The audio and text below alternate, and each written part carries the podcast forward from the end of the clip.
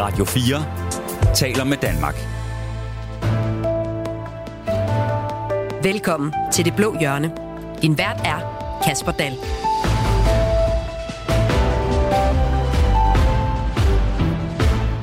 Folketingets udvalg er nedsat, kontorerne på Christiansborg er fordelt, og det første krydsforhør af ministerne i Folketingssalen har fundet sted.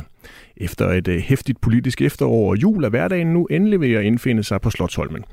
For den nye regering er det blevet hverdag at svare på den gevaldige kritik, de har fået for deres plan om at sløjfe stor bededag. For er det en bøllemetode, når regeringen kræver, at de partier, der vil med i forsvarsforliget, sluger den skovsnegl, det er at afskaffe stor bededag?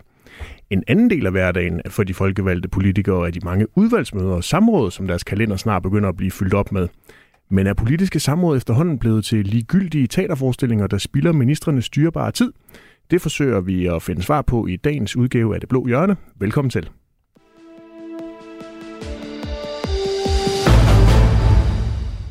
Og nu skal I møde dagens debattører. Jeg har opdaget, at øh, de alle tre har en ting til fælles, nemlig at alle har tre navne, men kun bruger to af dem. Jan Ejner Jørgensen, venstremand og ægte liberal. Jan E., du er jo kendt for at sige din mening, også selvom dine partifælder ikke altid er enige med dig. De er altid enige, men det er ikke altid, de tør sige det. Du går imod partilinjen, eller måske ændrede du bare ikke mening som dine kolleger i øh, Venstre, men du mener i hvert fald stadigvæk, at Samsam-sagen skal undersøges. Det er den her sag om øh, den fængslede Ahmed Samsam, der selv siger, at han var hemmelig øh, dansk agent i Syrien. Du sagde før jul, at du ville tage det her op på et gruppemøde i Venstre. Da DR spurgte dig den 20. december efter et gruppemøde, havde du ikke lige fået det taget op. Nu har du haft lidt mere tid. Har I fået det diskuteret på det der gruppemøde i Venstre? Jeg tror, jeg vender skroen, som Inger Støjberg ville have sagt. Er det fordi, du ikke tør, Jan? Nej, du skal nok... Øh, det er fordi, jeg er ved at lave noget research. Okay. Øh, det er noget, som bliver brugt alt for lidt nu om stunder. Ej, jeg synes, journalister gør det jo, selvom I ikke vil tro på det, det ved jeg godt. Det går godt nok stærkt. Hvad betyder sådan noget research? Betyder det, at du bare skal være mere sikker i din sag, før det er, at du involverer dine kolleger, eller hvad, Ja, hvad det, de betyder, op og ned i det det? betyder blandt andet, at jeg går til... Altså, jeg har læst uh, stort set alle avisartikler, der har været, men, men nu er jeg også i gang med at læse øh, kilderne og tale med forskellige mennesker. Så du bliver Samsam-eksperten i Venstres øh, folketingsgruppe? Ja. Og så tager du det op med dem derefter? Nu må vi se, hvad det vi ender med. Så kan du kalde til Samsamråd. Ja. det var godt. Og det var øh, Henrik Dahl med det lidt øh, hemmelige fornavn Johan. Johan Henrik Dahl, der lige bød øh, sig til der. Øh, Liberal Alliances udenrigsordfører. Velkommen til. Tak skal du have. Du har jo øh, startet en debat om samråd og udvalg, og det var måske derfor, at uh, Samsam-udvalget lige kom ind fra højre der. Vi skal nok tage den diskussion lidt senere. Du er selv med i fem udvalg. Det er børne- og undervisningsudvalg, det er udenrigspolitisk nævn, det er kirkeudvalget, uddannelses- og forskningsudvalget og udenrigsudvalget. Hvilket af de her udvalg er du egentlig gladest for at være medlem af? Jeg er mest glad for at være med i Udenrigspolitisk Nævn, Hvorfor? fordi det er et af de meget vigtige folketingsudvalg, fordi grundloven siger, at det er regeringen, der fører udenrigspolitikken, og så skal regeringen forelægge sin udenrigspolitik for Folketinget, og det sker i nævn. Men er det så ikke bare et sted, hvor man får sådan et gummistempel fra Folketinget, hvis det alligevel er regeringen, der styrer det hele? Jeg har siddet i nævnet før, så jeg ved, at det er det ikke. Altså, der finder reelle diskussioner sted øh, i nævnet, men det er fortroligt, hvad der foregår i nævnet, så jeg kan ikke sige mere. Men, men I har gode diskussioner, trods alt. Det kan jeg forsikre for. Spændende. Det må vi jo se, om øh, udenrigspolitisk nævn får lov til at overleve den diskussion, vi skal have om nævn og samråd lidt senere. Velkommen til dagens øh, tredje debattør også, Susi Janet Jessen. Øh, Danmarksdemokraternes nye politiske ordfører. Velkommen til. Mange tak. Du er medlem af Erhvervsudvalget, Ligestillingsudvalget og udvalget vedrørende det etiske råd. Så Ja. er du også formand for udvalget for landdistrikter og øer. Hvilket et af de her råd er du egentlig mest tilfreds med? Jeg er rigtig glad for, at jeg har fået lov til at blive formand for, øh, for landdistriktsudvalget øh, og øerne selvfølgelig. Øhm, det er jo en mærkesag for, for Danmarksdemokraterne. Og øh, så bliver det også bare sjovt at have den her lidt mere øh, anderledes rolle end øh, en politisk rolle. Altså man skal jo være, være tale, talerør for, for udvalget, når man er formand, og det bliver jo en helt anden måde at, at, at være på, i Folketinget på, så det glæder jeg mig rigtig meget til. Og det er ikke kun de tre politikere, der kan komme med deres øh, holdning her i det blå hjørne. Sidder du derude og lytter med og har en kommentar eller et spørgsmål til dagens debatter, så find endelig mobiltelefonen frem og send øh, dine kommentarer afsted til mig i en øh, sms til 1424. Lad os komme i gang. Radio 4 taler med Danmark. Selvom øh, vores nye regering har skrevet et 60 siders langt regeringsgrundlag, så er der altså en af deres nye planer, der er på alles læber. Både biskopper, fagforeninger og økonomiske vismænd blander sig nu i debatten om at afskaffe stor bededag. Men det lader ikke til, at øh, noget som helst kan få øh, Lykke, Ellemann og Frederiksen til at skifte mening. I går kom der så endnu en bombe, da regeringen præsenterede det færdige lovforslag for Folketinget, for det kom nemlig frem, at øh, til gengæld for at miste en fridag, får de månedslønnet en, et løntillæg på øh, 0,45 procent af årslønnen, svarende til en arbejdsdag, mens timelønnet får helt almindelig timeløn. Janne Jørgensen, det er altså lidt kompliceret for sådan en uh, simpel mand fra Kolding som mig at forstå. Der skal ikke være flere arbejdstimer samlet for offentligt ansatte. Derfor vil regeringen nedbringe antallet af offentlige ansatte, så der kommer 2200 færre, kan man også læse i lovforslaget. Kan du ikke lige fortælle, hvorfor det er, at når vi nu skal arbejde mere, så skal der også være færre offentlige ansatte?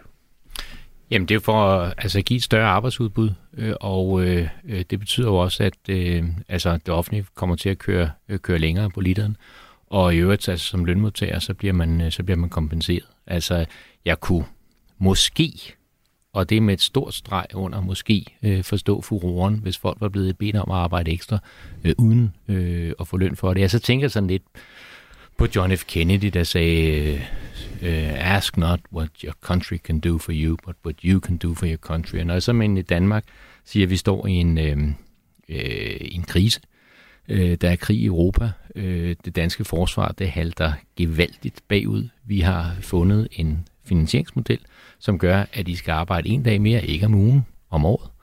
Og i øvrigt så får man fuld lønkompensation. Altså så rejser der sig et, øh, et hylekor, øh, men, også fra, fra partier, der ellers men, bryster sig af at være, at være borgerlige og mene, vi skal stå sammen og men, yde en ekstra indsats og så videre. Ikke? Men, men øh, det gælder så åbenbart ikke stor bededag, som jeg vil våge at påstå, øh, ganske, ganske få mennesker ved, hvad overhovedet øh, handler om, og øh, den eneste tradition, der er forbundet med den, det er, at man spiser varme ved aften før. Det kan man jo sådan set bare blive ved med. Henrik Dahl, ved du, hvorfor vi har store bededag?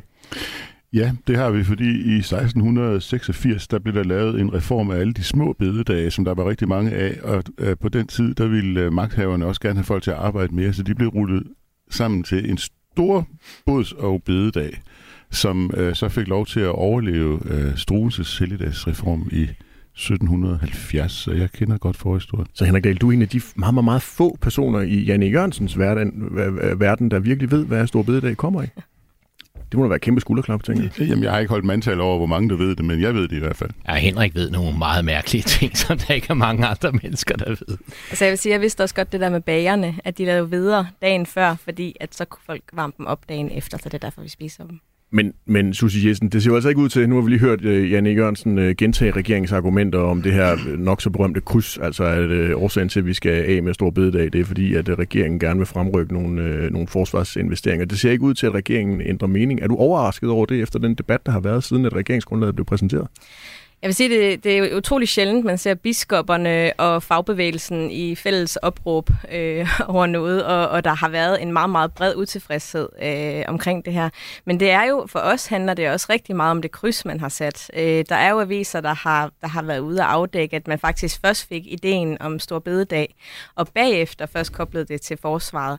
Og jeg synes bare, det vil være enormt ærgerligt, hvis det er, at vi skal have et forsvarsforlig på plads, som kommer til at række rigtig, rigtig mange år ud i fremtiden, og så er det kun er tre partier, der med. Det tror jeg vil skabe enormt meget usikkerhed. Men Susi, du får samme parti, som vil øh, fjerne 800 millioner kroner på kulturstøtten for at bruge det på transportfradrag i yderkommunerne.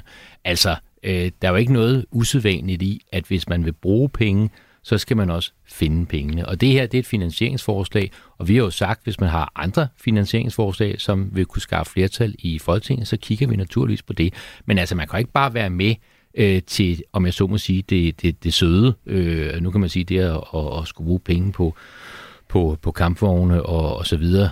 Det var jo noget, man i en ideel verden helst ville være fri for, men, men nu er vi altså i en situation, hvor det, hvor det er nødvendigt. Altså, så skal pengene også skaffes. Ja. Hvor vil Danmarksdemokraterne skaffe pengene? Men, men din, din formand har jo sagt, at vi, vi gerne må, øh, må komme med bud, og øh, så længe der er flertal for det, så vil man gerne kigge på det. Og det er jo lidt svært i og med, at de sidder tre partier, og uden jer kan vi ikke skaffe noget som helst flertal for Nå, noget. du kan da komme med din bud her, for eksempel. Jamen, det kunne man sagtens, men vi er jo ikke blevet indkaldt til nogle forhandlinger om noget som helst. Nej, så men, hvor, det, men det, hvor vi sparer pengene hen så?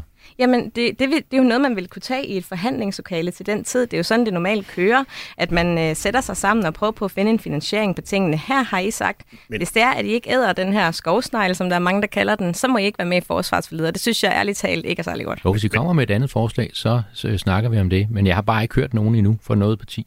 Og det er fordi, der ikke er blevet indkaldt til nogle forhandlinger endnu. Men, men Susie Jessen, I er jo også øh, ret hurtigt til at skuse regeringen for, at den bare kan bestemme, øh, hvad den vil i et uh, lukket lokale, og ikke behøver at involvere alle mulige andre. Nu har du jo mulighed for her på Janes opfordring at involvere øh, lytterne og Henrik Dahl og Janne Jørgensen i, hvordan Danmarksdemokraterne vil finansiere det her. I må jo have nogle forslag. Der, der er mange måder, man kan finansiere de her ting på, og der er også Hvilke? mange, jamen, altså, der, der er jo mange måde, måder. Altså, der er jo, øh, vi har været ude omkring øh, ulandsbistand, det har vi kigget på. Det kunne man jo godt øh, være sted. Jeg sad og kiggede i går, vi gav ulandsbistand til Kina. Det er jo lidt mærkeligt, kan man sige. Altså, der er jo mange steder, man kan kigge på, men normalt, så når man sidder i en forhandling, så kan man gå sammen partierne og finde ud af en finansiering forskellige steder, og så blive enige om at gå ud med det. Her har man sagt, at vi har finansieringen på plads, og hvis I ikke æder den, så kan I ikke være med i et kæmpe stort forsvarsforlig, der skal køre mange år ud i fremtiden. Og det skaber bare en stor usikkerhed, også ikke mindst i forsvaret, tror jeg faktisk. Henrik Dahl, ret mig, hvis jeg tager fejl, men jeg mindes ikke at have hørt et entydigt bud fra Liberal Alliance. Er I klar til at fjerne Store Bededag? Det tror jeg egentlig ikke, vi sådan rigtig har taget øh, stilling til. Altså, det er jo rigtigt nok, at normalt så kan man jo bare komme med nogle andre finansieringsforslag. Jeg mener jo, at man skal lukke RUK. Øh, det ville være sådan meget passende at, at gøre, og så finde nogle af pengene i hvert fald til forsvaret der. Jeg synes, det ville være et kryds, der gav utrolig meget øh, mening. Men Altså, Men Henrik Dahl, det er jo sådan en kerne borgerlig politik, vi er inde i her, altså at man går ind og tager noget fra nogle folk for så at give det øh, til øh, nogle andre, altså gå ind og lave nogle reformer og skabe noget arbejdsudbud og skabe nogle flere milliarder i statskassen. Jo, men prøv at høre her, hele den her diskussion er jo sådan på en eller anden måde sådan en rigtig Christiansborg-diskussion, og det er sådan noget, der får en til at hade Christiansborg, fordi øh, det er jo en diskussion, der er tilrettelagt til at køre op i en spids, hvis man kan sige det på den måde. Og det er fint nok, øh, og, og øh, vi må se, hvor det ender. Altså, jeg tror selv, at det ender med en pyrosejr til regeringen øh, af mange forskellige årsager. Og pyrosejr er jo på den ene side sejr, men man skal heller ikke have for mange af dem, vel? Altså, og det her kan godt gå hen og blive en meget stor pyrosejr. Men, men først og fremmest synes jeg bare, at det er sådan, at Christiansborg, når Christiansborg er mest træls. Øhm, vi var lige lidt inde på det her med det kulturelle aspekt, altså hvad er det egentlig store øh, bededag øh, betyder, og øhm, vi har måske ikke rigtig nået rigtig at få diskuteret den kulturelle betydning, hvis vi fjerner sådan en mere end 300 år gammel øh, helligdag. Øhm, Susie Jessen, som vi hørte før, så synes du jo, at det er en rigtig dårlig idé, regeringen har fået. Men hvad siger det øh, dig om, at øh, Venstre nu ønsker at fjerne den her store bededag? Jamen, altså en ting er jo, er jo det historiske i det, at det er en over 300 år gammel øh, tradition. Øh, en anden ting er også, at der foregår faktisk rigtig mange ting på, på Stor Bededag, som ikke kommer til at foregå mere. Altså det er jo der, vi normalt har konfirmationer. Der er utrolig mange markeder, krammermarkeder rundt omkring i landet, øh, som, som bliver afholdt, som ikke vil kunne ligge på andre tidspunkter. Øh, der, der foregår rigtig mange ting den dag, som vil blive lavet om, og øh, det, det, det er jeg faktisk ked af, det må jeg sige. Janne Jørgensen, kan I ikke lige konfirmationer og krammermarkeder i Venstre? Altså, jeg er helt sikker på, at dem, der vil konfirmeres, de vil også konfirmeret fremover. Altså, øh, det her med, at restauranterne nu vil miste en masse omsætning, fordi der er nogle konfirmationer, de går glip af, altså, det er jo ikke rigtigt. Altså, så bliver man jo bare konfirmeret en anden dag. Altså, der er jo masser af muligheder for at blive øh, konfirmeret øh, i kirkerne heldigvis. Det der med krammermarkederne, det er der selvfølgelig ret i. Altså, så kan vi diskutere, om det så er øh, så stort et, øh, et tema, at det så nede på øh, Falster er det i hvert fald et stort altså, tema. Altså, som, blandt andet. ja, ja, jo, jo. Øhm, Men ja. altså, altså, hvis man går ind for et øget arbejdsudbud, altså at vi skal øh, arbejde mere, altså jo mere vi arbejder, mere producerer vi, jo rigere bliver vi. Altså hvis, hvis man mener det, øh, men når der så kommer konkrete forslag, så siger man, ah, det skal så ikke lige være der, og det skal ikke så lige være der, og fordi der er krammermarkeder. Altså så kan jeg så bare måske blive lidt i tvivl om, hvor meget man så egentlig mener det her med, at man vil have et øget arbejdsbud, og man vil skaffe penge til dansk forsvar. Men her kommer et rigtig godt eksempel på, at det, det har været enormt smart, at regeringen de har øh, lavet det her kryds. Fordi de altid kan skubbe den her øh, debat om, vi skal hjælpe, vi skal simpelthen øh, have styrket vores forsvar, det skal, være, øh, det skal være stærkere, vi skal hjælpe Ukraine, der er en sikkerhedspolitisk øh, situation, vi skal, vi skal tage ansvar for og sådan noget. Og på den måde, så får man jo så folk til at æde den. Men jeg, jeg, altså, jeg accepterer ikke den der præmis med det kryds der. Altså, vi må kunne finde de penge andre steder, og hvis vi kan tage diskussionen om stor bededag, og hvorfor den skal afskaffes, uden hele tiden at blande forsvaret ind i det, så ville det være fint, fordi det var, I fandt jo på ideen før, at I uh, lavede krydset. Ja, nej. Fandt I på ideen, før I lavede kryds? Altså, det, det ved jeg ikke, hvor du ved fra. Jeg ved det i hvert fald ikke. Altså, der har været nogle regeringsforhandlinger, og øh, der er ikke sluppet noget som helst ud øh, fra dem. Det stod i og, og, og, Nå, det kan godt være. Og, og, og da det så var, var, var færdigt, så havde man nogle indtægter, man havde nogle, øh, nogle udgifter. Og, og, og det der kryds, altså, jeg er, der, jeg er der med på, at det er en ubehagelig situation at blive stillet i, fordi man skal være med til at træffe en ubehagelig beslutning.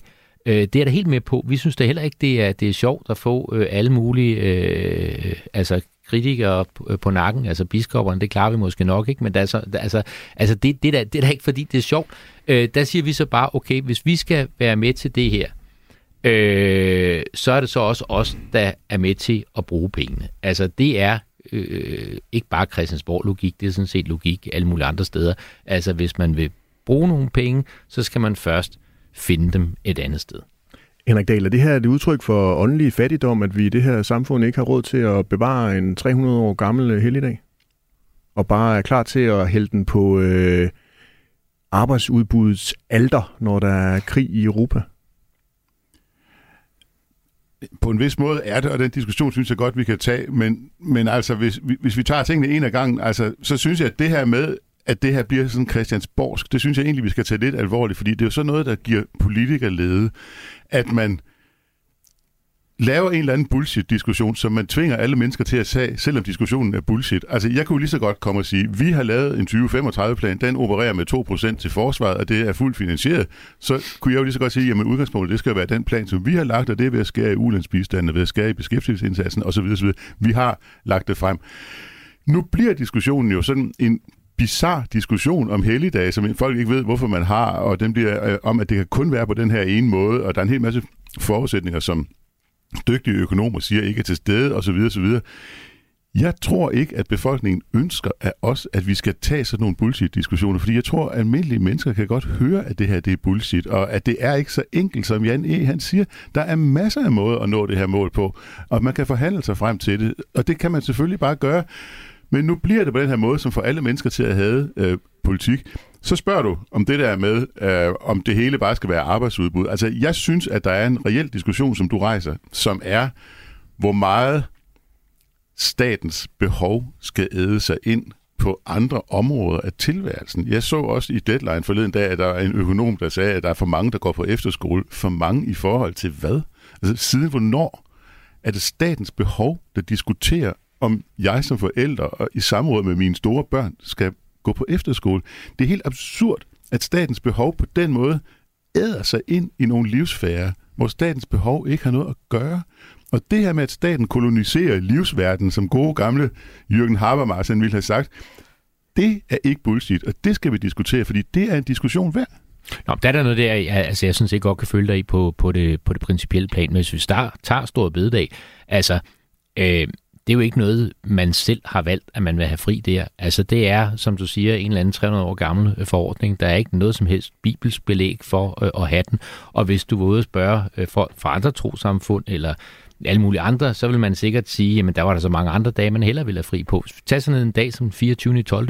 Øh, det betyder ret meget for de fleste mennesker. En anden dag kunne være den 31. 12. Den betyder også ret meget. En af de to dage er helligdage. Øh, nu er der så en, en, en lukkelov, der blandt andet betyder, at der er lukket den 24. 12. Men dengang jeg sad og, og, og rådgav øh, medlemsvirksomheder hos de samlede købmænd om, hvordan de skulle forholde sig den 24. 12., sagde jeg, det er en almindelig arbejdsdag. Men, Folk skal have deres almindelige løn. Der er ikke, der er ikke noget, nogen helligdagsbetaling. Så der er jo meget af det her, der er tilfældigheder øh, og, og øh, enormt svære at forklare. Og så tror jeg, at den der Christians politikerlede, tror jeg, der også opstår ved, at så har du pludselig enhedslisten, altså som kommer fra Lenin og religion og opium for folket, og så indrykker det pludselig annoncer, bevar store bededag. Ikke?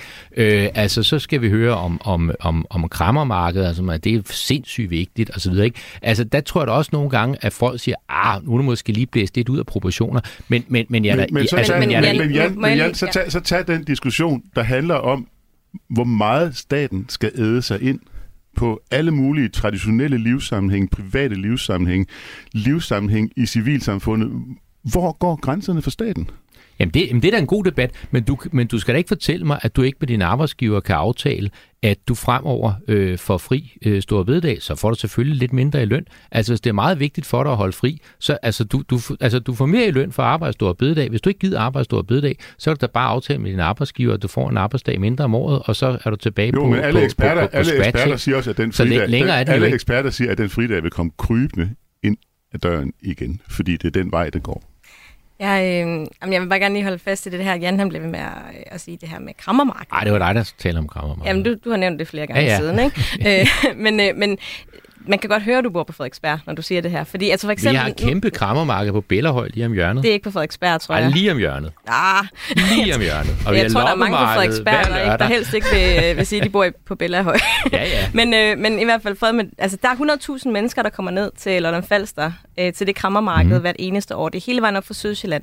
De lokale foreninger, der er dernede, det er der, de tjener deres penge i Men løbet af året. de kan da Nej. bare finde en anden dag. Nej, det kan de nemlig ikke, fordi at der er tivolier derude, og de er booket alle de andre helligdage, så det kan ikke lade sig gøre. Og det er bare for at sige, at jeg synes også, det er vores opgave som politikere lige at kigge lidt ud over, hvad er det folk, de snakker om, når vi kommer med sådan et forslag her, og dernede, så er det faktisk det Hvordan, her. hvordan kan man lave Roskilde Festival? Det forstår jeg simpelthen ikke. Altså, det ligger på dage, der ikke er helligdage. Altså, hvordan, hvordan, hvordan kan det lade sig gøre? Det er sommerferien. Ja, for nogen. Janne Jørgensen, du er jo kulturelsker. Ja. i hvert fald det, du bryster dig af. Ja. Og du er også kulturordfører Yes. for et uh, regeringsparti. Du er øh, også skatteordfører og vil gerne have mindre skat. Men er det ikke kulturordførerens ønske at bevare nogle traditioner? Her har vi noget, der i 300 år har været en tradition for os. Skal vi ikke bevare det? Altså, øh, nej. Øh, altså, der er masser af traditioner. Holder I ophørsudsat over i Venstre med altså, kulturtraditionerne? Jeg, jeg, jeg kunne forstå, hvis det var juleaften, vi talte om, øh, eller, eller, eller påske, øh, altså, eller grundlovsdag for den sags skyld. Altså, øh, Store Bededag er jeg med på. Jeg synes også, det er fedt at have en forlænget weekend. Det synes jeg, det er dejligt. Jeg kan godt forstå, at man godt vil være fri og, og kunne tage tidlige sommerhus og alt det der. Men, men altså, kirkerne er gabende tomme øh, store bededag. Der er altså ikke ret mange mennesker, for hvem selve store bededag mm. betyder noget. Jeg er med på, at det der med at have fri fredag, lørdag og søndag, det er fedt.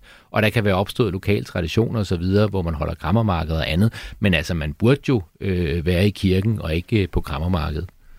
Kirkerne er jo ikke gabende tomme store bededag, fordi der er konfirmationer. Men, Ja, øhm, ja. Hvis vi ser bort fra konfirmationerne. Ja. Ja, men altså, jeg tror ikke, hvis man spørger biskopperne, og hvis man spørger præsterne osv., så, videre, så tror jeg, at de er ret uenige i, at det her det er sådan ret ligegyldigt i dag. Jeg, øh, jeg ved, at der var en præst, der, øh, der var i den her kanal, som, som vævede lidt ved det, men ellers så har der været krise i kirken. Og øh, ikke mindst fordi, at øh, ministeren, øh, kirkeministeren, hun, hun koblede det jo sammen med den her kong, kongelige resolution, at hvis det var, at den var jo blevet øh, til ved en kongelig resolution, så kunne man jo også afskaffe den ved en kongelig resolution. Og jo, men det var jo dengang, der var enevælde i Danmark, at øh, den blev til. Så altså, jeg ved godt, at der har været lidt med magtfuldkommenhed og Der er sådan noget med nogen, der i gamle dage men ville mene, at vi havde enevælde jeg i er ked af, at Danmark. jeg skulle tilbage til enevælden. Det må jeg sige. Henrik Dahl? Men jeg kommer jo fra et ægte liberalt parti, og du svarer jo ikke på det spørgsmål, der er, hvem skal beskytte borgerne mod staten? Hvem vil stå op for borgerne imod staten? Det skal du og jeg blandt andet. Jamen, du gør Ja. det jo ikke. Du, ud, det gør du jo ikke. Du øh, gør dig selv til tjener for staten, og du siger bare, jamen borgerne, de må bare øh, ligesom være soldater for konkurrencestaten. Jeg kommer fra et liberalt parti. Jeg siger, at vi er da også nødt til at beskytte borgerne imod staten, så staten ikke bare æder sig ind på alle mulige livssammenhæng. Og den beskyttelse får man jo i hvert fald ikke i det tidligere blå parti. Hvad synes du om ferieloven, Henrik? Hvad fanden har det med sagen at gøre? Det har der at gøre med, at staten har besluttet, at alle har ret til fem uger. Øh, Hvis man skulle følge din tankegang igennem, så kunne man da også sige, at det skal staten ikke blande sig i. Det må arbejdsmarkedet, altså det må man da selv det aftale sig frem til. at gøre det har det det har da. ingenting at gøre med den sag, vi diskuterer. Jo, det har. Nej, det har. Hvad har det med det at gøre? Jamen, det har da det med det at gøre, at du har en statslig lovgivning, som påbyder alle mennesker at holde fri fem uger om året, og til gengæld får man nogle feriepenge. Det er da i den grad en statslig indblanding. Der kan der være masser af mennesker, der siger, jeg gider ikke ferie, jeg vil hellere arbejde. Det må man rent faktisk ikke. Så altså, vi, vi, vi, vi har jo et samfund, uh, like it or not. Ej, Jan, der, Jan, der, det, Jan, på det der, mange Jan, måder... det der det er det mest har, åndssvage, det, det er det har mest det åndssvage har det prokurator. Det er det mest åndssvage har det prokuratorknep, jeg har hørt i dag. Altså, Du har altså, også regler om, at du ikke må arbejde mere end 48 timer om ugen. Altså, hvorfor, hvorfor må det man har, ikke det, hvis har man gerne vil ikke det? noget som helst at gøre med den sag, vi diskuterer. Hvad, hvad vil du gøre for, at staten ikke æder sig yderligere ind på borgernes frirum? Så, så, så, Ingenting. Du vil bare forvirre lytterne med Så en hel masse stat- slud om så, ferieloven. sta- så staten kan lave flere fridage, men staten kan ikke lave færre fridage. Det er jo sådan set det, du siger. Du vil ikke beskytte borgerne mod staten. Jo, det vil jeg da gerne. Nej, det vil men, du ikke. Det men, må jeg høre. men at, altså, det vil jeg da gerne. Men du kan da til enhver tid aftale dig til noget mere frihed hos din arbejdsgiver. Og du vil ikke beskytte borgerne imod staten. De her, I har en stående invitation til, at vi tager en debat omkring øh, beskyttelse af borgerne mod staten i det blå hjørne på et senere tidspunkt. Jeg kunne godt tænke mig lige at runde den her øh, runde af med et øh, par sms'er. Lars fra København, han har sendt en besked ind på øh, 1424. Forstår ikke det med stor bededag. Det giver cirka 3,5 milliarder kroner, men de giver skattelettelser, altså regeringen, for cirka 5 milliarder. Hvorfor ikke bare lade være med skattelettelser, så er der et plus på halvanden milliarder? Eller hvad, spørger han dig, Janne Jørgensen. Det er fordi skattelettelser gør os rigere, og hvis vi, øh, undskyld, gør os fattigere selvfølgelig, skattestigninger gør os fattigere, skattelettelser gør os rigere, og det er jo blandt andet derfor, øh, vi gør det. Øh, hvis vi i stedet for at øh, finansiere, øh, fordi det, det er jo rent nok teknisk set, det kunne vi godt have gjort, men det var, havde gjort Danmark til et fattigere samfund, hvis vi i stedet for havde droppet de her øh, skattelettelser. Øh, altså, når vi arbejder mere, så bliver vi rigere. Når vi sætter skatten ned, så bliver vi rigere, og det er den vej, vi synes, at Danmark skal gå som samfund. Så er der også en lytter, der har sendt en sms ind, hvor der står, spørg lige venstremanden, hvornår logikken i hans argumentation ikke længere virker. Der er jo grænser for, hvor mange helligdage man kan skære væk, før der ikke er flere. Så hele argumentet med, at det er den eneste måde at få flere penge i samfundet, holder jo ikke vand. Jeg siger, nej, jeg, jeg siger ikke, det er den eneste måde at få penge. Selvfølgelig gør jeg ikke det. Det vil være et fuldstændig fjollet øh, synspunkt. Men hvor, Øh, Janne, hvorfor men- er det her så egentlig den bedste måde at gøre det på? Jamen, det er den bedste måde med en forholdsvis simpel løsning at øge arbejdsudbuddet på. Altså, der er det øh, meget nemt. Hvis du kan huske den der debat, der var, det kan du sikkert godt, om de her 12 minutter øh, ekstra osv. Altså, det, det, det var meget øh, teoretisk, at det skulle øh, give et øget arbejdsudbud. Men at gå ind og sige, her er en fredag, der skulle sendes det blå hjørne på Radio 4. Øh, folk skal øh, på arbejde, så var det en almindelig dag, og ikke noget heldagsbetaling osv. Altså, det giver enten mere produktion, eller også betyder, at du kan producere det samme med lidt færre medarbejdere, og begge dele vil være med til at gøre samfundet rigere. Vi runder denne runde af med en sms, der også er blevet sendt ind på 1424. En opfordring til Janne Jørgensen, der bliver skrevet her. Må ikke snart ham Jan skulle prøve at komme ud og se lidt til det virkelige liv? Juleaften bliver vel det næste. Jamen, jeg har været ude i det virkelige liv, og Christiansborg er jo et eller andet sted også en eller anden del af det virkelige liv. Altså, jeg øh, blev valgt til Folketing, da jeg var 40 år gammel, har arbejdet på det private øh, arbejdsmarked, har øh, løbet med aviser, siden jeg var 12 år eller sådan et eller andet. Så altså, jeg er ikke sådan en, der er gået den direkte vej fra Øh, et øh, halvafsluttet skinpo-studie til en plads i Folketinget, så jeg kender udmærket det virkelige liv.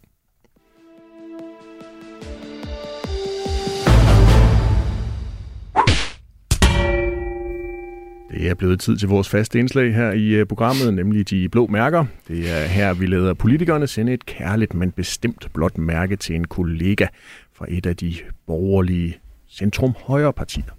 Janne Jørgensen, hvem fortjener dit blå mærke i denne uge? Jamen, jeg er faktisk lidt i tvivl, om han skal have et blåt mærke eller en buket øh, blomster, og det kunne så være øh, de smukke kornblomster, som er blå og øh, Venstres symbol.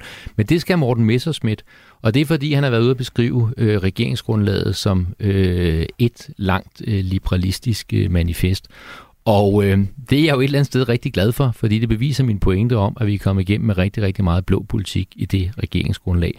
Men grunden til, at han skal have et blåt mærke, det er, at jeg synes, det er noget mærkeligt noget at beskylde Danmarks Liberale Parti for at få gennemført en masse liberalisme i regeringsgrundlaget. Det forstår jeg altid ikke.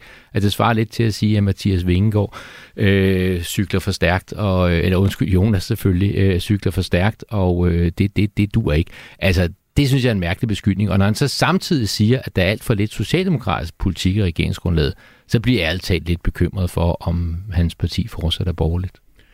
Susie Jessen, hvem skal dit og Danmarksdemokraternes øh, blå mærke i denne uge gå til? Det bliver Jacob Ellemann, øh, og det er simpelthen på grund af, at han sagde det der med, at øh, hvis man kan komme med en løsning, der er gangbar, og der er flertal bag, så kan man jo godt komme og være med i øh, forsvarsforledet. Det er jo lidt svært, når det er, at man ikke kan tælle regeringspartierne med. Så jeg synes, at Jacob Ellemann han skal have et stort blåt mærke for at lave det her kryds, fordi at, øh, det bliver rigtig ærgerligt, hvis det forsvarsforlig bliver med tre partier. Henrik Dahl, hvem øh, deler du blå mærker ud til denne uge? Jeg synes, det skal gå til øh, Pernille Vermund for at smide sit parti fra sig. Ja, mm. ved det, at hun nu har meddelt, at hun ikke ønsker at genopstille ved næste folketingsvalg, og at øh, partiet skal finde en ny formand hurtigst muligt. Ja, det er jo en Elbæk. Og, Uffe Elbæk. Og der har man jo, kan man jo studere eksemplet Elbæk og se på, hvor smart det er at smide sit parti fra sig. Vi kommer til øh, Nye Borgerlige og deres formandskifte lidt senere i øh, det blå hjørne. Vi øh, iler videre. Radio 4 taler med Danmark. Du lytter nemlig til øh, Det Blå Hjørne i dag med Henrik Dahl, Susie Jessen og Janne Jørgensen i øh, panelet. Og øh, nu til en måske ikke Christiansborgsk debat. Øhm, det kan også godt være, at det bliver meget Christiansborgsk. Det må vi jo finde ud af. Er politiske samråd ligegyldigt teater eller spild af ministerens tid? Det mener min gæst Henrik Dahl fra Liberal Alliance. Det kunne man i hvert fald læse i onsdagens udgave af Berlingske. Og det er ikke kun samrådene, som øh, Henrik Dahl øh, kritiserer. Også Folketingets 30 udvalg får en tur i øh, maskinen. Henrik Dahl, du har jo siddet i Folketinget siden 2015, så du har været til temmelig mange samråd, antager jeg, og temmelig mange udvalgsmøder. Hvad er det, der er så frygteligt ved dem? Jeg skal først sige, det er ikke sådan et helt sprit nyt synspunkt, fordi jeg lavede en bog sammen med Jakob Ellemann og Nick Hagerup i 2018, som var en håndbog i Christiansborg, og der står øh, nogle af de samme ting. Altså, der sker rigtig mange ting på Christiansborg, som er, fungerer på en lidt anden måde, end man får indtryk af i medierne. Udvalgene er generelt et smertensbarn, hvor der er blevet gjort mange forsøg på at rette op på dem, fordi fremmødet er ikke særlig godt når vi har besøg af deputationer, så klager deputationerne ofte over, at der i virkeligheden ikke øh, kommer særlig mange. Øh, og, og øhm, da Pia Kærsgaard var formand, så blev der holdt en konference for udvalgsformænd og næstformand, hvor man prøvede at indskærpe nogle regler, specielt til de store partier, om man ikke godt ville gå til nogle flere udvalgsmøder, for at det ikke skulle se så forkølet ud, når vi for eksempel havde besøg af deputationer. Åbne samråd er ofte også bare øh, en eller anden form for spild af tid, hvor man indkalder dem for at spilde ministerens tid og embedsmændenes øh, tid. Øh, de bliver vist i fjernsynet, og så kan man bagefter sige, altså det er sådan en performativ handling, så kan man sige, at man har holdt øh, samrådet, og så består øh, handlingen i det. Men der kommer i virkeligheden ikke særlig meget ud af det. Øh, i, I sidste valgperiode var der sådan nogle samråd, hvor, der, hvor det kun var spørgeren, der kom Altså, og, og, og det er jo, så har institutionen samråd jo spillet for lidt, når spørgeren selv er nødt til at agere formand, fordi formanden ikke engang har tid til det. Sådan nogle samråd har jeg hørt om. Onsdagsspørgsmålene er jo tit også rent spild af tid. Ikke? Altså, så, så vi, der, der, der er mange ting på Christiansborg, som er beskæftigelsesterapi, og som ikke bliver markedsført som beskæftigelsesterapi, men, men det er de egentlig, fordi politiske beslutninger, de bliver taget helt op i toppen af de partier, der har magten, og, og det er der beslutningerne egentlig bliver taget. Og så skal MF'erne jo øh, have et eller andet at rive i, fordi ledegang det er roden til alt ondt. Bare så lytterne er med, så tænker jeg, at de fleste godt kender til det her samråd, altså hvor politikere kan indkalde ministeren til et art øh, krydsforhør udvalgene, det er de her 30 udvalg, som er blevet nedsat for ligesom at prøve at spejle den måde, som regeringen har øh, dannet øh, ministerierne og fordelt ressortområderne, og, og udvalgenes opgave er så at føre det, man kalder for politisk kontrol med øh, regeringen, og så skal udvalgene også behandle alle lov- og beslutningsforslag inden for det område, de nu øh, beskæftiger sig med, før at de kryger ned i, i Folketingssalen til videre behandling dernede. Øhm, så sent som i går, der så jeg faktisk, at øh, enhedslistens Maja Villassen, hun var ude og ville indkalde til et, et samråd. Det var på grund af de her nye fund af PFAS, øh, hvor hun gerne vil have Miljøministeren øh, en tur i, øh, i samrådsmaskinen. Øhm, Janne Jørgensen, du er jo også øh, bundrutineret på, øh, på Christiansborg. Kan du genkende det her billede af samråd, udvalgsmøder, krydsforhør nede i Folketingssalen, som Henrik Dahl han tegner op? Ja, men ikke, jeg, det er ikke lige så firkantet. Altså, mit, mit synspunkt er ikke lige så firkantet som Henriks. Øh, og jeg har det også sådan lidt, altså hvis ikke, altså hvad, hvad skulle folketingsmedlemmer så egentlig lave? Og hvordan skulle man så kontrollere regeringen, hvis jo, men ikke er det man, så man havde de her instrumenter? Er det beskæftigelsesterapi, som Henrik Dahl siger? At, altså, det, altså, hvis I ikke ved, hvad I skulle lave for at kan, gå til udvalgsmøde? Der kan godt være onsdags spørgsmål, hvor man sidder og tænker, hvem blev egentlig klogere af det? Og der kan også godt være samråd, hvor man tænker, det var kvalificeret spild af tid. Og der kan også være udvalgsmøder, hvor man tænker, kunne man ikke have klaret det med en mail. Så der er ting, der ikke fungerer. Et af problemerne er, at den struktur, der er i det store hele, er blevet fastlagt i en tid, hvor der var forholdsvis få, forholdsvis store partier i Folketinget. Og i dag er der rigtig, rigtig mange, og nogle af dem er ret små. Og hvis du for eksempel sidder i en gruppe med, med, med, med 3-4 medlemmer, så har du fysisk ikke mulighed for at deltage i det hele. Der er endda udvalgsmøder, der ligger oven i hinanden. Altså jeg havde på et tidspunkt, hvor jeg havde 10 øh, medlemmer, øh, 10 udvalg, jeg var medlem af, og øh, jeg tror, det var torsdag formiddag, der havde øh, fire af møderne, øh, fire af udvalgene havde møde på samme tid. Jeg kan jo ikke være fire steder på en gang. Nu kan man sige, så var vi et stort parti, så det var ikke så vigtigt, at jeg ikke var der, fordi så var der en anden fra mit parti. Men hvis du så sidder som en lille parti, hvad pokker gør du så? Øh, så, så der er nogle udfordringer. Jeg synes jo i virkeligheden, den struktur, man har i kommunerne, så også selv i en kommunalbestyrelse, er bedre. Fordi der har du lukkede døre, det betyder rigtig meget. Øh, og så har du, om jeg så må sige, øh, minister og, øh, og folketing samlet. Det, der jo ofte sker, det er, at den, man i virkeligheden skulle også have haft med til det her samråd, øh, eller, eller undskyld, til for eksempel foretræde, ikke? der sidder ministeren ikke. Og så, hvis vi så husker det, så kan det godt være, at vi har sagt det videre til ministeren. Men hvis nu ministeren sad der, øh, så kunne det være, at man kunne få afklaret nogle af de her problemer med det samme. Så jeg er enig med Henrik i, at øh, der er et kæmpe problem, og strukturen ikke fungerer optimalt. Men, men jeg er ikke enig i, at det er øh, tidsspil alt sammen. Der er rigtig mange samråd, der kommer noget godt ud af. Ofte især de lukkede samråd. Det sagde jeg også. Jeg sagde før øh, til Kasper, at det var de åbne samråd, som var øh, smertensbarnet. Men der, hvor jeg synes, at vi øh, gør os selv en bjørnetjeneste, det er, at det, som man så burde bruge rigtig meget tid på i udvalget, det bruger vi for lidt tid på, og det er at skrive udvalgsbetænkninger. Mm. Fordi udvalgsbetænkningerne er en del af det lovforberedende arbejde. Og det vil sige, at når en dommer eller en eller anden anden jurist øh, skal finde ud af, hvad der skal forstås ved en lov, og hvordan skal den tolkes, og hvor langt skal den tolkes, osv., osv., så tager man udvalgsbetænkningen, hvor der så ofte kommer til at stå for lidt, fordi det er så det, man ikke rigtig har tid til, og så bliver udvalgsbetænkningerne sådan lidt mere kedelige, end de behøver at være. Susie Jessen, du er lige kommet i Folketinget og skal til at kalde ministre i samråd, hvis du har lyst. Og øh, du er også blevet formand for udvalg for landdistrikter og øer. Frygter du, at øh, der ikke er nogen af dine folketingskolleger, der gider møde op til møderne? Det håber jeg, at de vil. Jeg vil sige, da jeg læste din uh, kommentar i, i Berlingske Henrik, så blev jeg, jeg blev måske sådan lidt deprimeret. Fordi at øh, når man kommer som ny, øh, nyt folketingsmedlem, så synes jeg synes i hvert fald, at det her det er et, øh, et fedt organ at have øh, til at kontrollere regeringen. Men også hvis man skal have svar på nogle spørgsmål, som man ikke synes, man har fået svar på øh, på andre måder. Øh, og der kan samrådet måske være en god idé. Og vi ser jo også ind i en tid nu, hvor, hvor det er svært, øh, også for journalister, at få svar på spørgsmål fra ministerne og sådan nogle ting. Så det kan bare være et ekstra led til at få svar på nogle spørgsmål. Men når det så er sagt, det, det dur jo heller ikke, øh, at hvis der ikke kommer nogen til de her møder, og det, det ser jo gralt ud, hvis øh, det er rigtigt det, som Henrik siger. Nu må vi jo se, hvordan det går. Men Susie, du er jo ikke helt ny på borgen, selvom du er ny som folkevalg, fordi du er jo øh, uddannet journalist og har arbejdet i mange år indtil for nylig som pressemedarbejder og politisk konsulent i, øh, i Dansk Folkeparti, hvor du har rådgivet Christian Thulsen Dahl og andre ja. medlemmer af Dansk Folkeparti. Kan du afvise, at du ikke har været med til at rådgive dem til lige at prøve at få indkaldt en minister til et samråd for at prøve at se, om man ikke kunne komme øh, til at få ministeren på glat is, eller at det skulle se godt ud ude i medierne? Ikke for, at det skulle se godt ud i medierne, men for at vi ligesom skulle få svar på nogle ting, som vi ikke har fået svar på.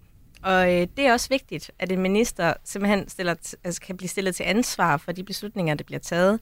Øh, nede, i, nede i salen i går, der, øh, eller i forgårs, der var Kåre Dybvad i salen, hvor jeg prøvede at stille ham nogle spørgsmål, som han ikke svarede ordentligt på i forhold til det, der står i regeringsgrundlaget. Og jeg synes bare, det er vigtigt, at man har nogle forskellige organer til at kunne få svar fra, fra ministerne på ting. Og samråd, altså der, der har været folk, som, øh, hvor, hvor det har givet store konsekvenser, de her samråd, øh, hvor der er kommet ting frem, ikke? Så altså i, i årenes løb. Så jeg synes, at at det er et vigtigt, og jeg ved ikke, hvad alternativet skulle være. Det kan du måske komme med, med et bud på, Henrik. Altså, jeg er jo en af dem, som har bakket meget kraftigt op om Dansk Folkeparti's forslag i sidste valgperiode om at få lavet et supplement til magtudredningen. Og det er jo meget for at, at stille spørgsmålet, hvor bliver magten af? Fordi magten flytter sig jo. Og der, hvor magten har flyttet sig hen, det er jo til politiske forhandlinger i ministerierne. Der har man jo den her mekanisme, som Jan beskriver. Der er ja. Øh, politikere og ministeren samlet i et rum med ministeren som mødeleder. Og det vil sige, at man kan hvis man er indkaldt til forhandlinger, så kan man meget hurtigt få svar fra ministeren, og, mm. og, og, og det kan ske i mundtlig form, hvor man også kan få misforståelse ryddet af vejen meget hurtigt.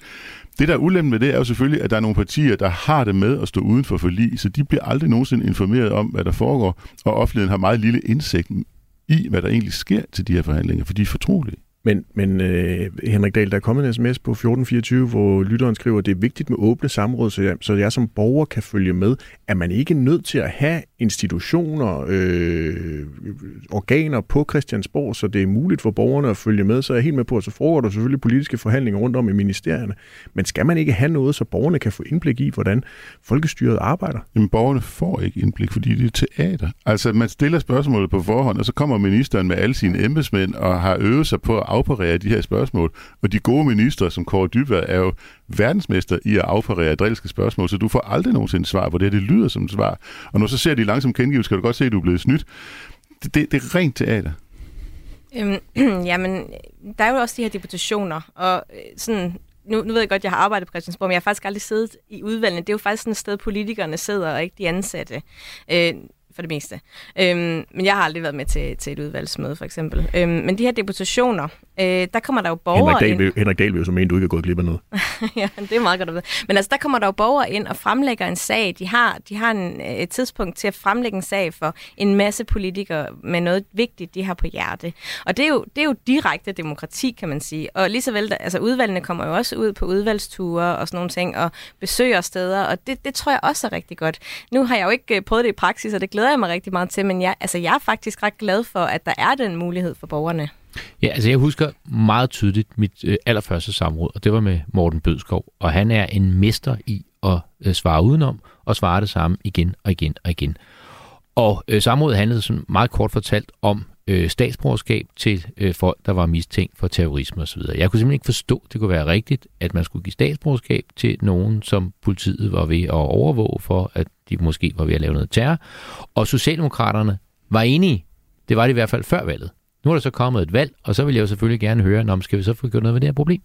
Og Morten Bødskov, uanset hvad jeg spurgte ham om, så svarede han den samme remse, at Danmark mener, det er vigtigt, at vi overholder vores internationale konventioner. Og jeg sagde i gang på, at det er jeg sådan set enig med dig i, men kunne vi så få ændret konventionerne? Kunne vi se, om man kunne ændre øh, fortolkning og bla bla bla? Og han svarede bare det samme igen og igen. Men, men, og, igen. men, og, jeg, og jeg var ved at blive sindssyg til sidst. Ikke? Men der kom jo trods alt noget ud af det, fordi det blev udstillet, at øh, Bødskov sad og sagde det samme mm. igen og igen og igen som en anden papegøje. Og problemet blev så øvrigt løst, da vi fik regeringsmagten. Det var noget af det, som, øh, som Inger Støjberg klarede øh, til UG med, men, med Men hånden på hjertet, så opfører Venstre minister sig på samme måde, og vores minister opførte sig også på den måde, dengang vi sad med regeringen. Det, der er ærgerligt med deputationerne, det er... Det, jeg kan du huske, Samuelsen han svarede en gang på noget andet, end han blev spurgt om. Det er han jo ikke. Det, det er han jo. Nå, det kan jeg godt huske. Sådan, ja, det var helt sjovt. sådan med at tage det, tage det forkerte dokument frem. Ja, præcis. Altså det, der er synd med deputationerne, det er jo, at nogle gange så kommer deputationer, fordi de har noget, de gerne vil sige til ministeren, ja. som Jan siger, og så er ministeren ikke til stede. Præcis. Eller de kommer meget sent ind i processen, det vil sige, at vi er allerede et eller andet sted mellem første behandling og tredje behandling, og så kommer deputationen og siger, hvad er nu det her for noget? Og toget er kørt, ja. når du er på den gale side af første behandling. Men kære politikere, du kan det godt være, at I bliver enige om, at det kan være teater, der foregår. Nu nævnte Janne Jørgensen jo lige Morten Bødskov. Altså Morten Bødskov blev jo øh, fjernet. Han blev, som, han blev væltet som, på et samråd. Ja. efter det samråd. Det var dengang øh, med den såkaldte øh, nødløgn. Yes. Vi har også Mogens Jensen, der er trådt tilbage ja. efter et øh, samråd. Uffe Elbæk. Uffe Elbæk også, ja. ja. Uffe Elbæk. Mm. Øh, vi har også øh, Ben Engelbrecht, der handlede om de glemte CO2-tal i øh, forhandlingerne. Jeg tror ja, også, at Rakel Vejen, at Eva Kjær Hansen vil mene, at hun også blev væltet efter et samråd det er, derfor, der, det er derfor, der står 99 ud af 100 i min artikel. Fordi det er et lille forbehold. Fordi, de samråd, der vælter minister, der, dem vil du gerne bevare. Nej, jeg vil, altså, det, det er jo bare ligesom at grave efter guld, altså at, at, at, at der er så lidt guld i en, i en ton klippe, at, at du skal lige være klar over, at du skal lige bryde en ton klippe for at få det der halve gram guld, ikke? Altså, og, og der er så lidt af den slags i samrådet. Men, men der, kan også være, altså, der kan også være forskel på, altså hvad er vigtigt for Henrik Dahl, og hvad er vigtigt for Janne Jørgensen? Altså det kan jo være forskellige ting. Øh, altså, jeg blev engang skoset af Mogens Lykketoft, fordi jeg stillede et spørgsmål om øh, kubanske cigarer, og det kunne han ikke forstå en skid af og sådan noget. Ikke? Øh, og det handlede om, at der var øh, en, som importerede kubanske cigarer, og som brugte et øh, kreditkort, altså Visa tror jeg det var, fordi Visa havde hovedkontor i USA, så røg det på et eller andet, øh, fordi de ikke så godt kan lide Cuba, og så fik hun indefroet sine penge, og hvad ved jeg. Det var et stort principielt problem, men han læste bare som om, hvorfor pokker spørger Jan om kubanske cigarer. Ikke? Så der kan jo godt være nogle gange nogle ting, som, som udefra kan virke som komplet spild af tid, øh, men som nogle rigtige mennesker i den virkelige verden står med som et reelt problem, og som man i hvert fald kan få gjort ministeriet opmærksom på ved at stille nogle spørgsmål. Om de så løser det eller ej, det kan man jo ikke være sikker på, men, men det kan give opmærksomhed om, øh, om en sag. Men jeg er enig i, at der er for mange, øh, og der er også meget af det, som er sådan rent øh, drill. Henrik Dahl, da jeg læste dit indlæg, så tænkte jeg, hmm, er det ikke Liberal Alliance, der kæmper for demokrati og åbenhed, og er samrådet ikke en vigtig del af den her demokratiske proces? Og så prøvede jeg at grave lidt i øh, arkivet, fordi du har jo for eksempel, for eksempel selv stillet samrådsspørgsmål til den tidligere børne- og undervisningsminister Pernille rosenkrantz teil så sent som 4. august 2022. Det var dengang, vi havde en debat om normstormerne og normkritisk undervisning i folkeskolen. Og så har gode kolleger lige prøvet at finde et klip fra den gang. Prøv lidt med her. Så er det Henrik Dahl fra Liberal Alliance. Værsgo. Tak for det. Uh, mit spørgsmål handler om bedre beskyttelse af forældre mod indoktrinering og tendentiøs undervisning. Så jeg vil høre, om, uh, om regeringen er indstillet på at forbedre i forhold til i dag øh, de muligheder, forældre har øh, for at gøre indsigelse imod øh, indoktrinering og imod tendentiøs undervisning. Og der er flere grunde til, at jeg tror, at det spørgsmål er presserende. Det, det, den første grund er selvfølgelig eksistensen af normstormerne. Det er jo derfor, vi er her i dag. Sikke et teaterstykke, vi lytter til her, Henrik Dahl, eller hvad?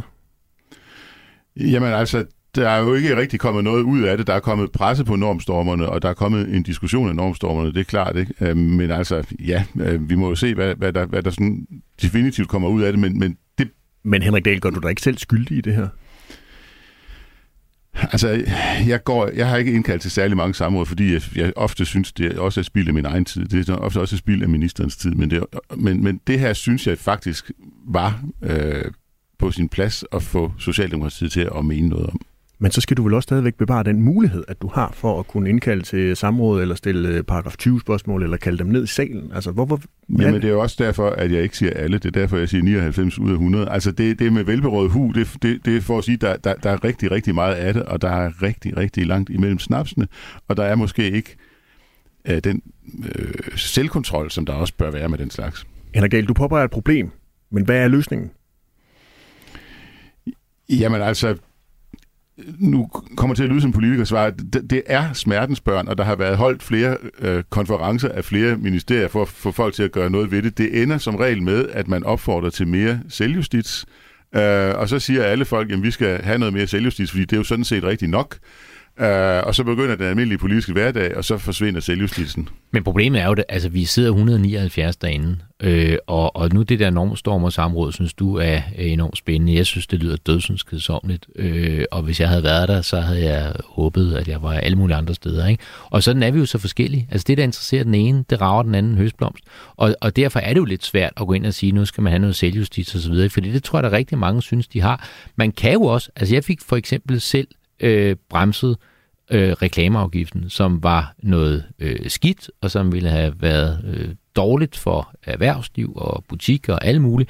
Øh, og det gjorde jeg jo blandt andet ved at stille en frygtelig masse spørgsmål, indkaldt til rigtig mange samråd og få udstillet, hvor dårlig den her lov var. Og det gjorde jeg med arbejde, arbejde, arbejde, arbejde, arbejde, og til sidst så fik jeg den her øh, reklameafgift arbejdet væk. Der var, jo, skal skal der vi, var flertal for den. Så, så du kan bruge samråd som opposition til at få noget øh, dårligt til at forsvinde, men det eller, kræver en men, kæmpe men, eller, eller, Jan, eller Janne Jørgensen og vise dine vælgere, at du er enormt flittig. Det er vi slet ikke i tvivl om. Arbejde, arbejde, arbejde. Arbejdsudbud. Jeg, jeg synes lige, vi skal blive enige om, at vi diskuterer et erkendt problem, som ja, ja. flere forskellige præsidier har indkaldt Folketinget til mm. at mhm. diskutere, fordi der ikke er en perfekt løsning. Vi har også for mange udvalg. Og det kan være, at det bliver i denne valgperiode, at vi finder en øh, ny model for Måske. indretningen af Folketingets arbejde. Vi iler videre i øh, det blå hjørne, fordi vi har nemlig lovet lytterne, at vi skal diskutere noget omkring Nye Borgerlige og Pernille Vermund. Radio 4 taler med Danmark. Og det gør vi i øh, det blå barometer, hvor vi gør status på kampformen i den øh, borgerlige familie. Og vi skal jo altså kun to, knap to år ind i det nye år, før den første borgerlige partileder annoncerede et øh, farvel. Det har været øh, syv og et halvt hårde år, det har også været lærerige år. Det har været en, øh, en opgave, jeg har påtaget mig, fordi jeg synes, vi skylder at øh, ja, gøre, hvad vi kan for at passe på vores land og vores værdier. Men jeg har også fra begyndelsen vidst, at jeg ikke øh, havde det i mig at skulle sidde herinde og gro fast. Det har aldrig været et mål for mig at have en karriere som folketingspolitiker. Øh, det synes jeg, jeg har sagt ret klart fra begyndelsen. Og det sagde øh, Pernille Vermund til øh, TV2 og alle de andre medier, der stod inde på øh, Christiansborg tidligere i, i den her uge. Hun stiller nemlig ikke op til næste folketingsvalg, og det betyder, at Nye Borgerlige de skal ud og finde en ny formand. Det kan ske enten ved partiets årsmøde sidst i oktober, eller på et ekstraordinært årsmøde inden da, hvis partiets hovedbestyrelse indkalder til sådan et. Hun roses vidt og bredt for at gøre det pænt og ordentligt og uden drama. Janne Jørgensen, vil du ønske, at din tidligere formand var gået af på samme måde? Øh, som med Pernille Vermund? Ja. Øh, det ved jeg ikke. Det har jeg ikke, det har jeg ikke spekuleret over. Øh, altså, jamen, det, er jo, det, er jo, det er jo to helt forskellige øh, øh, situationer. Altså, det er ikke mit indtryk, at der var en meget stor bred utilfredshed med, at, øh, øh at øh, Pernille Vermund er formand for Nye Borgerlige, så det, det kan du slet ikke sammenligne. Øh, men altså, øh, altså det, det, det, der sker, altså det bliver det bliver spændende at se, hvad det, hvad det hele ender med, ikke? Altså om, om Nye Borgerlige er mere end, øh, end Pernille Vermund. Altså jeg synes måske nok, at der er lige lovligt mange partier øh, ude på den yderste højrefløj. Det minder lidt om situationen tilbage i 80'erne øh, på den yderste venstrefløj, øh, som jo til sidst endte med, at de sluttede sig sammen og lavede, lavede enhedslisten. Ikke? Så Janne, så, så, vil du så, gerne af med Nye Borgerlige? Øh, nej, det, altså, det bestemmer vælgerne jo. Øh, jeg har haft et rigtig fint samarbejde, ikke mindst med Pernille Vermund på rigtig mange områder, så, så, så nej, det, det er ikke det, jeg siger. Susie Jessen, øh, vil du gerne af med Nye Men, men der, er, der er mange partier Nej, det vil, det vil jeg faktisk ikke. ikke. Altså, nu har vi jo mistet et, et parti på den borgerlige fløj her for nylig, så jeg synes faktisk ikke, at der er for mange, kan man sige. Øhm, jeg, jeg er ked af, at uh, Pernille Vermund hun er gået af. Jeg synes, det vigtigste projekt for os lige nu, det er at styrke det borgerlige Danmark. Og der er ikke nogen tvivl om, at hun uh, er definitionen af de borgerlige på mange måder, så jeg håber, de kommer, kommer igennem det her, fordi det er vigtigt, at vi har en, uh, en stærk borgerlig fløj. Henrik Dahl, du gav jo det blå mærke til Pernille Vermund. Er det, fordi du gerne vil af med partiet nu? Nej, det er fordi, at øh, jeg har prøvet at være i en meget, meget værre parlamentarisk situation, men jeg stod op for mit parti. Øh, og jeg stod op for mit parti sammen med de MF'er, som var tilbage, og vi redde vores parti, og vi gik frem til valget. Så jeg synes, man skal stå op for sit parti. Øh, det er det, man er valgt til, og det er ikke at stå op for sit parti, det der.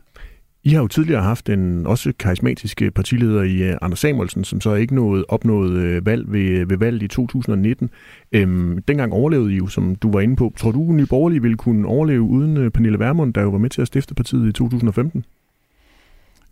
Men igen, jeg taler jo af erfaring. Altså, der er jo mange ting, som skal øhm, lykkes for, at man kan overleve i sådan en svær situation. Og en af dem er, at man skal have samlet et hold, der, der trækker på den samme hammel. Øh, Øh, og hvis man ikke kan samle det der hold, der, der, der ved det samme, og som vil give det en ordentlig skal i nogle år, så er det altså bare meget, meget svært. Så vi ved jo ikke endnu, om der kan samle sig et eller andet hold, som ved det samme og ved den samme vej, og man kan tage fat på at lave et turnaround. Og, og når der har været, når der er udpeget en ny leder, så kan vi svare på det spørgsmål. Men altså, øh, jeg kan ikke lade være med at tænke på, på de konservative på Frederiksberg, som i over 100 år øh, har siddet på borgmesterposten og har gjort det rigtig fint. Så blev de så vippet af pinden her sidst. Men de gjorde altid det, når de fik ny borgmester, at den gamle borgmester, han stoppede, og det gjorde han i forholdsvis øh, kort tid efter valget, og så fik en ny øh, borgmester tid til at blive kendt af vælgerne, øh, og, øh, og, så, og, det, og det lykkedes sådan set meget fint. Og der kan man jo sige, at det gode ved det her, at altså, Pernille melder ud i så god tid, som hun gør, det er jo, at de har mulighed for så at finde en ny formand, og den formand kan nå at manifestere sig i offentligheden osv. Det, altså, altså, der er jo ikke nogen rigtig måde øh, at forlade politik på. På den måde er det bare rigtig, rigtig øh, svært at finde et rigtigt tidspunkt, men hun giver en efterfølger god tid til at øh, altså vise, hvem partiet er. Susie Jessen, helt kort. Jeg vil sige, øh, på trods af, af det ros, altså jeg er også rigtig glad for faktisk, at, øhm, at, at vi har en politiker her, der holder, hvad hun lover, fordi hun har jo faktisk sagt det her hele tiden, at øh, det skulle være en kort periode, hun skulle sidde her, så hun har jo holdt øh, sit løfte til vælgerne, og det, det har jeg egentlig meget god respekt for. Henrik Dahl? Jamen, jeg har selv været med til at lave et kæmpe turnaround, og det er jo rigtigt, at det tager nogle år. Mm, så det er en betingelse, der skal være opfyldt, at man har de der år. Det er bare ikke den eneste betingelse, der skal være opfyldt. Og, og hvad angår de betingelser, der ellers skal være til stede for, at et turnaround kan lykkes, der er juryen bare ude stadigvæk.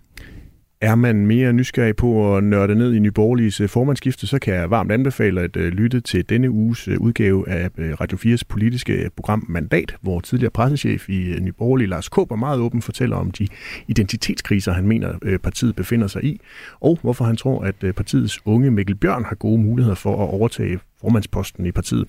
Du kan finde udsendelsen i Radio 4's app, eller hvor du hører dine podcasts. Jeg har to korte sms'er, jeg lige vil runde af med.